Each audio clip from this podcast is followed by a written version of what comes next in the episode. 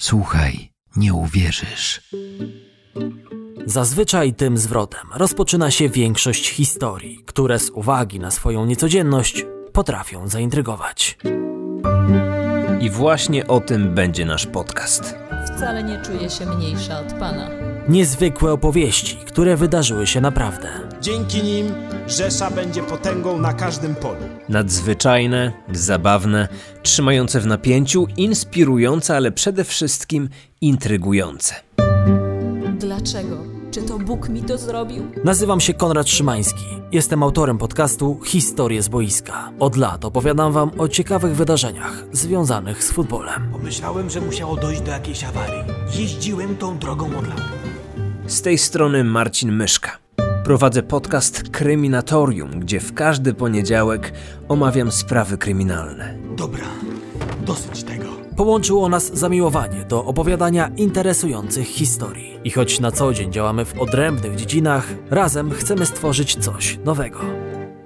W każdym odcinku usłyszycie wyjątkową historię.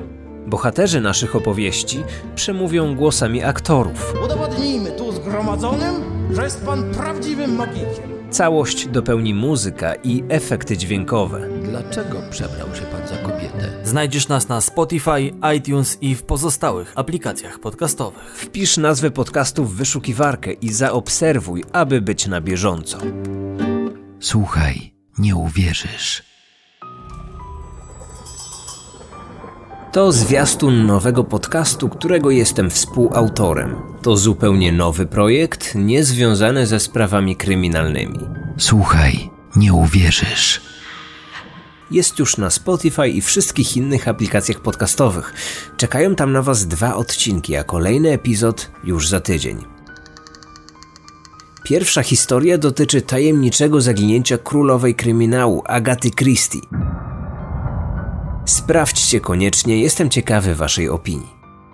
A w związku z tym, że dziś razem z Konradem ruszamy z nowym wspólnym projektem, to zaprosiłem go również do Kryminatorium. Dzień dobry, zgadza się. Opowiemy o sprawie ze świata kryminału, jak i sportu. To tragiczna historia najpopularniejszego paraolimpijczyka na świecie. Kryminatorium. Otwieramy akta tajemnic. Oscar Pistorius miał u swoich stóp cały świat, a dla milionów fanów stał się prawdziwą ikoną i symbolem przełamywania barier. Pochodzący z RPA, niepełnosprawny biegacz miał na swoim koncie liczne medale zdobyte podczas paraolimpiad i mistrzostw świata.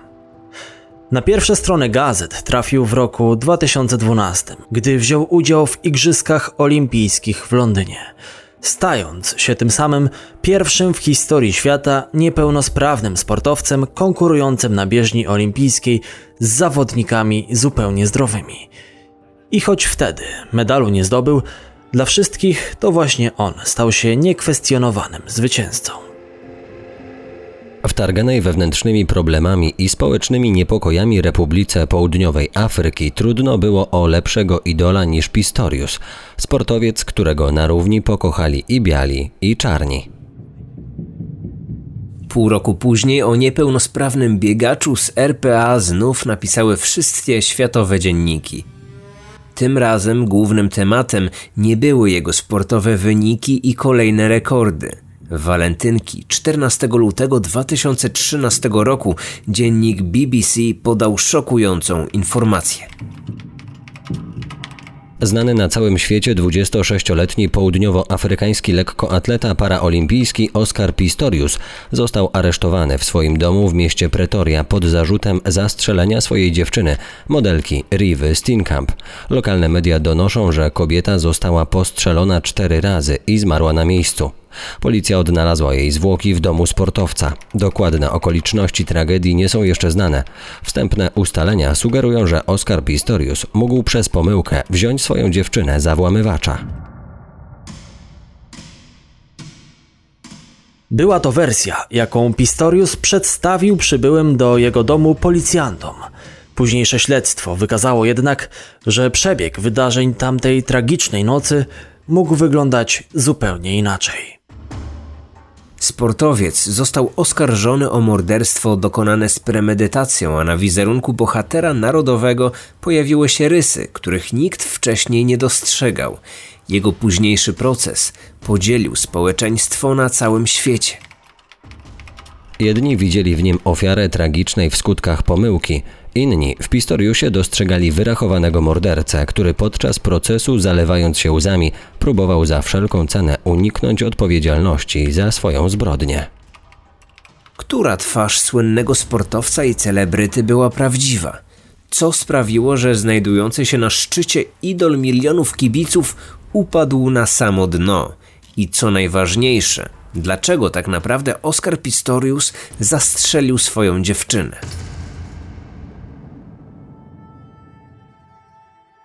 Oscar Pistorius przyszedł na świat w roku 1986. Zanim skończył pierwszy rok życia, w wyniku wad wrodzonych stracił obie nogi, które amputowano mu poniżej kolan. Mimo swojego kalectwa, Oscar od zawsze kochał sport. Wspierany przez całą rodzinę, z wielką pasją uprawiał rugby, tenis, piłkę wodną, a nawet zapasy czy boks. Z czasem największą miłością zapałał do biegania. Używając specjalnych protez, rywalizował z innymi niepełnosprawnymi sportowcami i bił kolejne rekordy na dystansach 100, 200 i 400 metrów. Mariusz Sepioło z Gazety Wyborczej zwrócił uwagę na fakt, że to właśnie sport dawał mu pewność siebie, jakiej Pistorius potrzebował. Chciał pokazać, że jest w czymś najlepszy, mimo swoich fizycznych ograniczeń. Nosił protezy nóg, ale poruszał się szybko i nie odstawał od grupy. Podobał się dziewczynom, był wysoki, atletyczny, robił pompki i świetnie pływał. Jego pewność siebie rosła, kiedy na szkolnej bieżni rozpędzał się i z wprawą profesjonalnego sprintera wchodził w pierwszy zakręt. Gdy zauważyli go sportowi działacze, jego kariera nabrała rozpędu. W roku 2004, po swoim starcie w letnich Igrzyskach Paraolimpijskich w Atenach, Pistorius stał się ulubieńcem kibiców w swoim kraju. Jako obywatel RPA był dumny z tego, że podziw, jakim go darzono, był wysoko ponad podziałami rasowymi, które w jego kraju stanowiły dość istotny problem. Zmagania Pistoriusa z samym sobą, z jego własnymi ograniczeniami, stanowiły dla wielu jego rodaków symbol nieustannego zmagania się ich ojczyzny ze swoją własną, trudną i bolesną historią. Na następnych Igrzyskach Paraolimpijskich w Pekinie w roku 2008 zdobył aż trzy złote medale. Dla niego było to jednak zbyt mało. Pragnął być najlepszy i mierzyć się z najlepszymi. Zaczął więc startować w zawodach dla pełnosprawnych biegaczy i szybko udowodnił, że nie jest od nich gorszy. Dzięki swoim charakterystycznym protezom zyskał przydomek Blade Runnera, przywołujący na myśl kultowy film Ridleya Scotta, znany w Polsce jako Łowca Androidów. Jego marzenia spełniły się 4 lata później, o czym w artykule Trzy żywoty Oskara Pistoriusa napisał socjolog Przemysław Nosal. W 2012 roku udało mu się wywalczyć kwalifikację olimpijską i został pierwszym w historii olimpijczykiem po amputacji obu kończyn.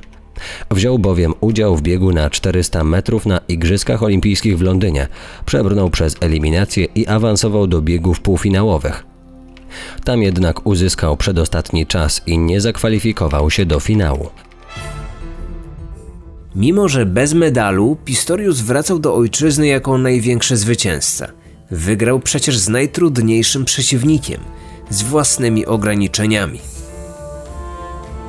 Udowodnił ludziom na całym świecie, że dzięki ciężkiej pracy i determinacji osoby niepełnosprawne mogą skutecznie konkurować z osobami zupełnie zdrowymi, a co najważniejsze, często być od nich lepszymi. Do sukcesów sportowych wkrótce doszły także sukcesy w życiu prywatnym. Kilka miesięcy po powrocie z Londynu zaczął spotykać się z Rivą Steenkamp, starszą od niego o 4 lata modelką i gwiazdą programów typu reality show. Para wyglądała na szaleńczo w sobie zakochanych, a ich związek od razu stał się ulubionym tematem magazynów plotkarskich. Kibicowali im wszyscy, ale nikt nie zdawał sobie sprawy, że za zamkniętymi drzwiami ich sypialni miłość coraz częściej zaczęła przeplatać się z ostrymi kłótniami i wybuchami zazdrości Pistoriusa.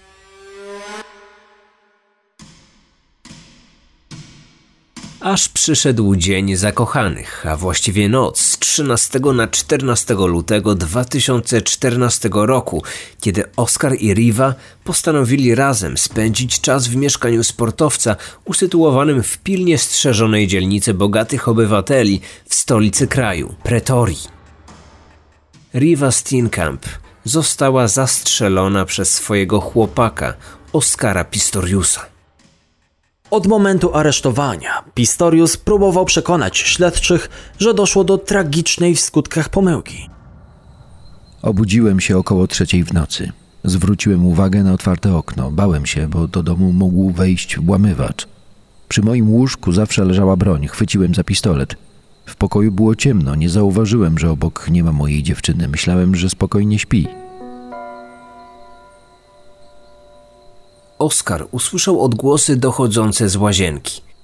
Na kikutach nóg, nie zakładając swoich protez, podszedł bliżej. W ręku trzymał odbezpieczoną broń. Dziwne dźwięki nie ustawały, co jeszcze bardziej przeraziło sportowca. Riva, obudź się. Mamy w domu włamywacza. Słyszysz mnie? Dzwoń na policję. Ostrożnie wszedł do łazienki i podszedł pod drzwi toalety. To właśnie za nich dobiegał hałas. Wycelował i wystrzelił. Raz, potem drugi. W sumie oddał cztery strzały. Gdy nastała cisza, zegar na ścianie wskazał godzinę trzecią czternaście. Próbował otworzyć drzwi, ale były zamknięte od wewnątrz. Wrócił z kijem do krykieta, aby je sforsować. Gdy mu się to udało, zajrzał do środka. Moja dziewczyna leżała na podłodze. Wszędzie było pełno krwi. To ja ją zastrzeliłem. Nie ruszała się, ale wierzyłem jeszcze, że uda się ją uratować. Płacząc i prosząc Boga, by nie zabierał jego ukochanej, ułożył Rivę na marmurowej posadzce. Rozpaczliwie próbował zatamować rozległy krwotok. Gdy przyjrzał się jej głowie, powoli zaczęło do niego docierać, że nawet Bóg nie będzie już w stanie zapobiec tragicznym skutkom tej koszmarnej pomyłki. Kobieta nie żyła. O godzinie 3.19, dokładnie 5 minut po oddaniu ostatniego strzału, Oskar zadzwonił do swojego sąsiada i przyjaciela, który był zarządcą budynku. Proszę, proszę, przyjdź do mnie do domu. To był wypadek. Zastrzeliłem ją. Myślałem, że to włamywacz. Proszę, przyjdź szybko. Następnie zadzwonił po pogotowie i do budki wartowniczej całego kompleksu. Założył protezę i z ogromnym wysiłkiem wyniósł ciało kobiety z łazienki. Szedł w stronę drzwi wejściowych. Po kilku minutach w mieszkaniu pojawili się pierwsi ochroniarze. Biograf sportowca podkreślił w książce Tajemnica Oskara Pistoriusa, że pistolet, z którego strzelał, nie był naładowany zwykłymi nabojami. Gdyby było inaczej, młoda kobieta miałaby szansę przeżyć. Pistorius użył jednak naboi dum-dum, które nie przeszywają ciała, tylko najpierw w nie wnikają, a dopiero potem ulegają rozszerzeniu. Do przyjazdu karetki Pistorius desperacko próbował zatamować wciąż krwawiące rany kobiety. Płakał i błagał, by go nie zostawiała. Protestował, gdy ratownicy medyczni uznali Rivę za zmarłą. Oskar Pistorius został aresztowany i oskarżony o zamordowanie swojej dziewczyny. Po wpłaceniu kaucji w wysokości 110 tysięcy dolarów został zwolniony z aresztu. Na proces mógł czekać w swoim domu. Rozpoczęło się drobiazgowe śledztwo, które ukazało drugie oblicze niepełnosprawnego sportowca. Fani Pistoriusa byli w szoku. Nikt nie spodziewał się, że ich narodowy bohater i wzór do naśladowania ma także drugą twarz, o wiele bardziej mroczną niż ktokolwiek mógł przypuszczać. Pierwsze niepokojące sygnały pojawiły się już po wstępnych zeznaniach złożonych przez osoby, które znały go osobiście, przyjaciele i znajomi. Jego była dziewczyna opowiedziała śledczym o nieznanej stronie Pistoriusa. W pewnym momencie sława uderzyła mu do głowy. Stał się nieodpowiedzialny i lekkomyślny. Myślał, że może wszystko, a ludzie i tak mu wybaczą. Nie akceptował żadnej odmowy. Gdy ktoś się z nim nie zgadzał, stawał się porywczy i agresywny. Był też o mnie szalenie zazdrosny. Każde moje przypadkowe spojrzenie w stronę innego faceta było dla niego jawną oznaką zdrady. W przerwach pomiędzy sportową rywalizacją sprawiał wrażenie osoby, która w ogóle nie dba o zdrowie. Nie tylko o własne, ale i innych ludzi. Z dumą opowiadał dziennikarzom o wypadku, w którym rozbił motorówkę, przez co z ciężkimi obrażeniami trafił do szpitala. Z uśmiechem na ustach rozprawiał o aresztowaniu go za napastowanie młodej kobiety w nocnym klubie. Coraz więcej pił, a po alkoholu wsiadał za kółko. Stał się stałym bywalcem dyskotek. Jego znajomi podkreślali, że nigdy nie rozstawał się z bronią. Nawet w miejscach publicznych miał przy sobie naładowany pistolet. Potrafił wyciągnąć broń w zatłoczonej restauracji lub wymierzyć w twarz swojemu przyjacielowi. Raz na zatłoczonej ulicy ostrzelał przypadkowy samochód. Potrafił w środku nocy zadzwonić do kogoś i grozić mu śmiercią lub pobiciem. Jedną z takich osób był nieżyjący już piłkarz południowoafrykańskiej ligi Mark Bachelor, który w procesie zeznawał przeciwko Pistoriusowi. Zadzwonił telefon. To był Oskar. Był pijany i agresywny. Podejrzewał, że miałem romans z jego dziewczyną. Wymieniliśmy kilka słów, a potem zaczął mi grozić i opowiadać, jak mnie zniszczy i połamie mi nogi. Nie chciałem być niegrzeczny, ale zacząłem się śmiać, bo przecież Oskar sam nie miał nóg. Wściekł się jeszcze bardziej, ale co mógł mi zrobić? Jestem od niego dwa razy większy i silniejszy. Nie lubię takich pogróżek, ale wolałem się z tego śmiać. Później złożył zawiadomienie na policji, że to ja mu groziłem.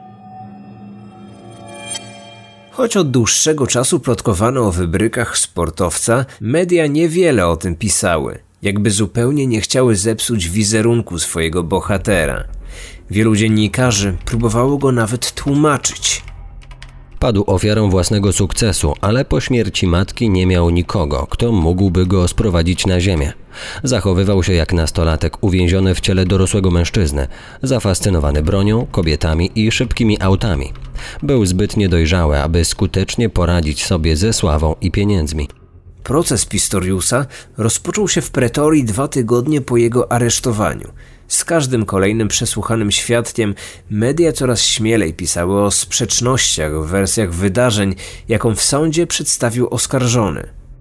Mandy Wiener, jedna z najbardziej uznanych dziennikarek w RPA i autorka książki o Pistoriusie, nie kryła swoich wątpliwości. Szok i niedowierzanie narastały z każdym dniem, z każdym nowym faktem. Obraz tej sprawy zaczął się zamazywać. Wszyscy zastanawiali się, czy ta historia ma drugie dno. A może to nie był wypadek? Może to była zbrodnia.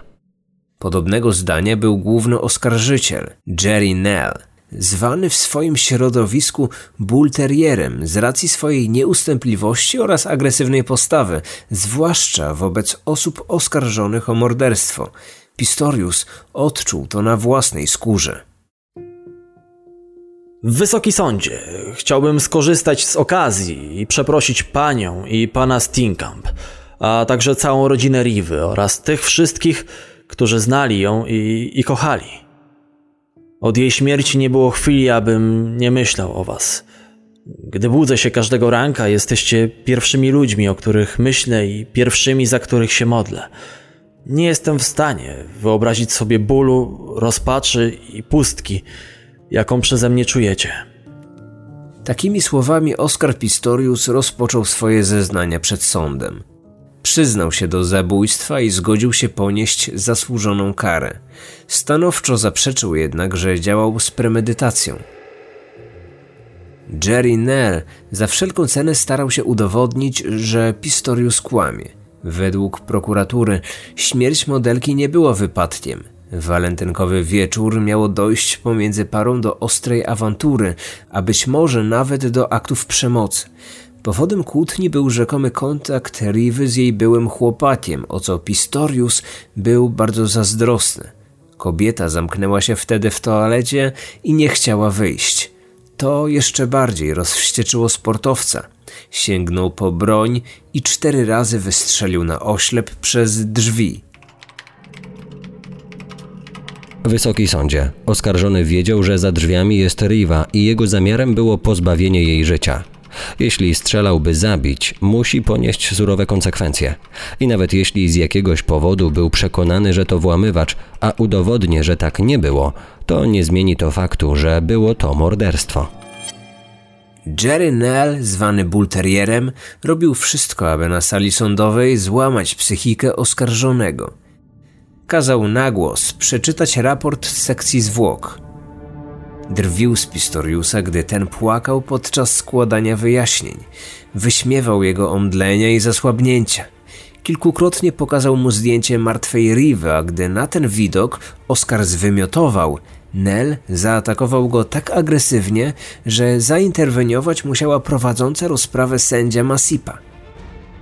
Prokuratura domagała się skazania Pistoriusa na dożywotnie więzienie za zamordowanie Rivy Stinkamp. Sąd był jednak innego zdania.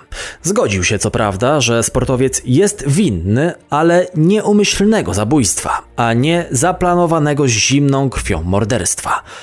Wyrok, jaki usłyszał, to 5 lat pozbawienia wolności, z możliwością osadzenia w areszcie domowym po 10 miesiącach odbywania kary.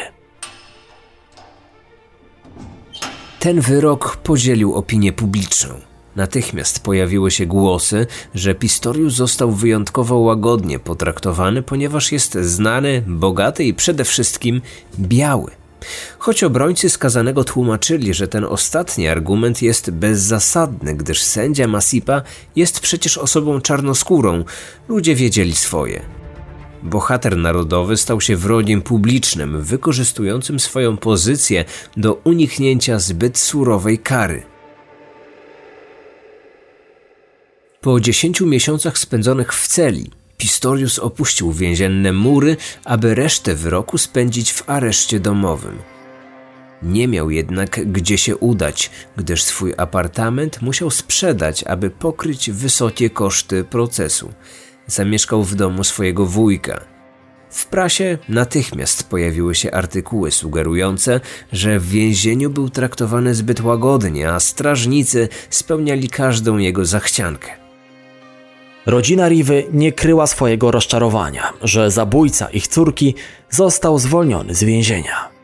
Matka zamordowanej modelki powiedziała dziennikarzom: 10 miesięcy więzienia za odebranie życia to stanowczo za mało. Wybaczyliśmy panu Pistoriusowi i nie szukamy zemsty. Nie chcemy też, by cierpiał, bo to nie przywróci życia naszej córce. Ale osoba uznana za winną zabójstwa powinna odpokutować, nawet jeśli jest znana i bogata. Chodzi wyłącznie o poczucie sprawiedliwości. Prokuratura wciąż zbierała dowody jego winy i po kilku miesiącach złożyła odwołanie od wyroku, które uważała za rażąco niesprawiedliwy. Na początku grudnia 2015 roku Najwyższy Sąd Apelacyjny Republiki Południowej Afryki uchylił poprzedni wyrok i tym razem uznał, że dowody przedstawione przez oskarżycieli są wiarygodne, a Oscar Pistorius jest winny morderstwa z premedytacją. Sędzia wziął pod uwagę zeznania sąsiadów, którzy w noc śmierci Riwy słyszeli, jak odgłosy wystrzałów poprzedzone były kłótnią pary i kobiecym krzykiem. Upubliczniono też wiadomości modelki wysłane do Pistoriusa dwa tygodnie wcześniej, w których kobieta pisała, że się go boi. Czasami jesteś bardzo zaborczy. Zachowujesz się wtedy paskudnie. Przerażasz mnie, gdy na mnie krzyczysz i gdy mi grozisz. Nie chcę, żebyś mnie tak traktował. Sędzia stwierdził, że oskarżony musiał sobie zdawać sprawę, że strzelając do kogoś cztery razy przez drzwi toalety może pozbawić ją życia, więc o nieumyślnym zabójstwie nie może być mowy i uznał Oskara Pistoriusa winnym morderstwa, tak jak chciała prokuratura. W celu ustalenia wysokości wyroku sprawa powróciła do sądu pierwszej instancji. I wtedy do niepełnosprawnego sportowca znów uśmiechnęło się szczęście. Sprawę poprowadziła ponownie sędzia Masipa, która już wcześniej była bardzo łagodna dla Pistoriusa. Nie inaczej było tym razem i choć najniższym z możliwych wyroków przewidzianych za morderstwo w RPA jest kara 15 lat więzienia, Pistorius skazany został tylko na 6 lat. Wymierzając oskarżonemu wyrok sześciu lat pozbawienia wolności, wzięłam pod uwagę wszelkie okoliczności łagodzące, takie jak skrucha i żal. Oskarżony jest idealnym kandydatem do rehabilitacji. Załamał się i nigdy już nie wznowi swojej kariery, co również jest karą surową. Do końca swoich dni będzie żył w poczuciu winy za swój czyn. Zarówno sam wyrok, jak i uzasadnienie uznano w RPA za skandaliczne. Rzeczniczka praw kobiet, że sędzia Masipa jest prawdziwą hańbą dla południowoafrykańskiego wymiaru sprawiedliwości. Również prokurator Jerry Nell nie przebierał w słowach. To niebywałe. To jest kpina z naszego prawa. Nie widzę pana Pistoriusa choćby cienia skruchy czy żalu i nie rozumiem, jak mogła to dostrzec pani sędzia. Załamanym człowiekiem to jest ojciec Riwy, a nie Oscar Pistorius. Większość fanów Pistoriusa odwróciło się od swojego niedawnego idola. Nie pamiętano już o jego sportowych sukcesach. Jeśli w rozmowach padało jeszcze jego nazwisko, to niemal zawsze odnosiło się do zbyt łagodnego wyroku, jaki usłyszał. Gdy w listopadzie 2014 roku ponownie zebrał się sąd apelacyjny, by jeszcze raz rozpatrzyć wysokość zasądzonej kary, opinia publiczna wstrzymała oddech.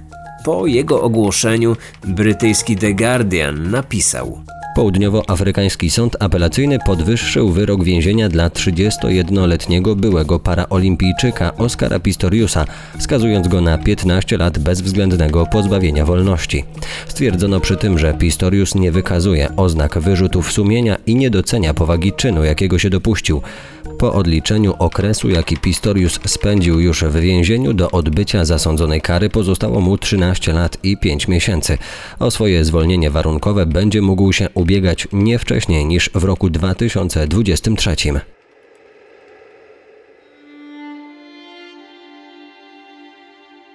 Dla wielu mieszkańców RPA sprawiedliwości w końcu stało się zadość. Ulgi nie kryła też rodzina zamordowanej modelki. Ich rzeczniczka na specjalnie zwołanej konferencji prasowej powiedziała: Dla wszystkich członków rodziny jest to bardzo emocjonalna chwila. Czują, że dzisiaj odzyskali swoje zaufanie do wymiaru sprawiedliwości. Przekonali się, że sprawiedliwość może zwyciężyć w południowej Afryce. Wierzą także, że to ostateczny koniec tej drogi. I choć obrońcy Pistoriusa próbowali się jeszcze odwoływać, wszystkie ich wnioski zostały odrzucone. W roku 2018 sprawa została ostatecznie zamknięta.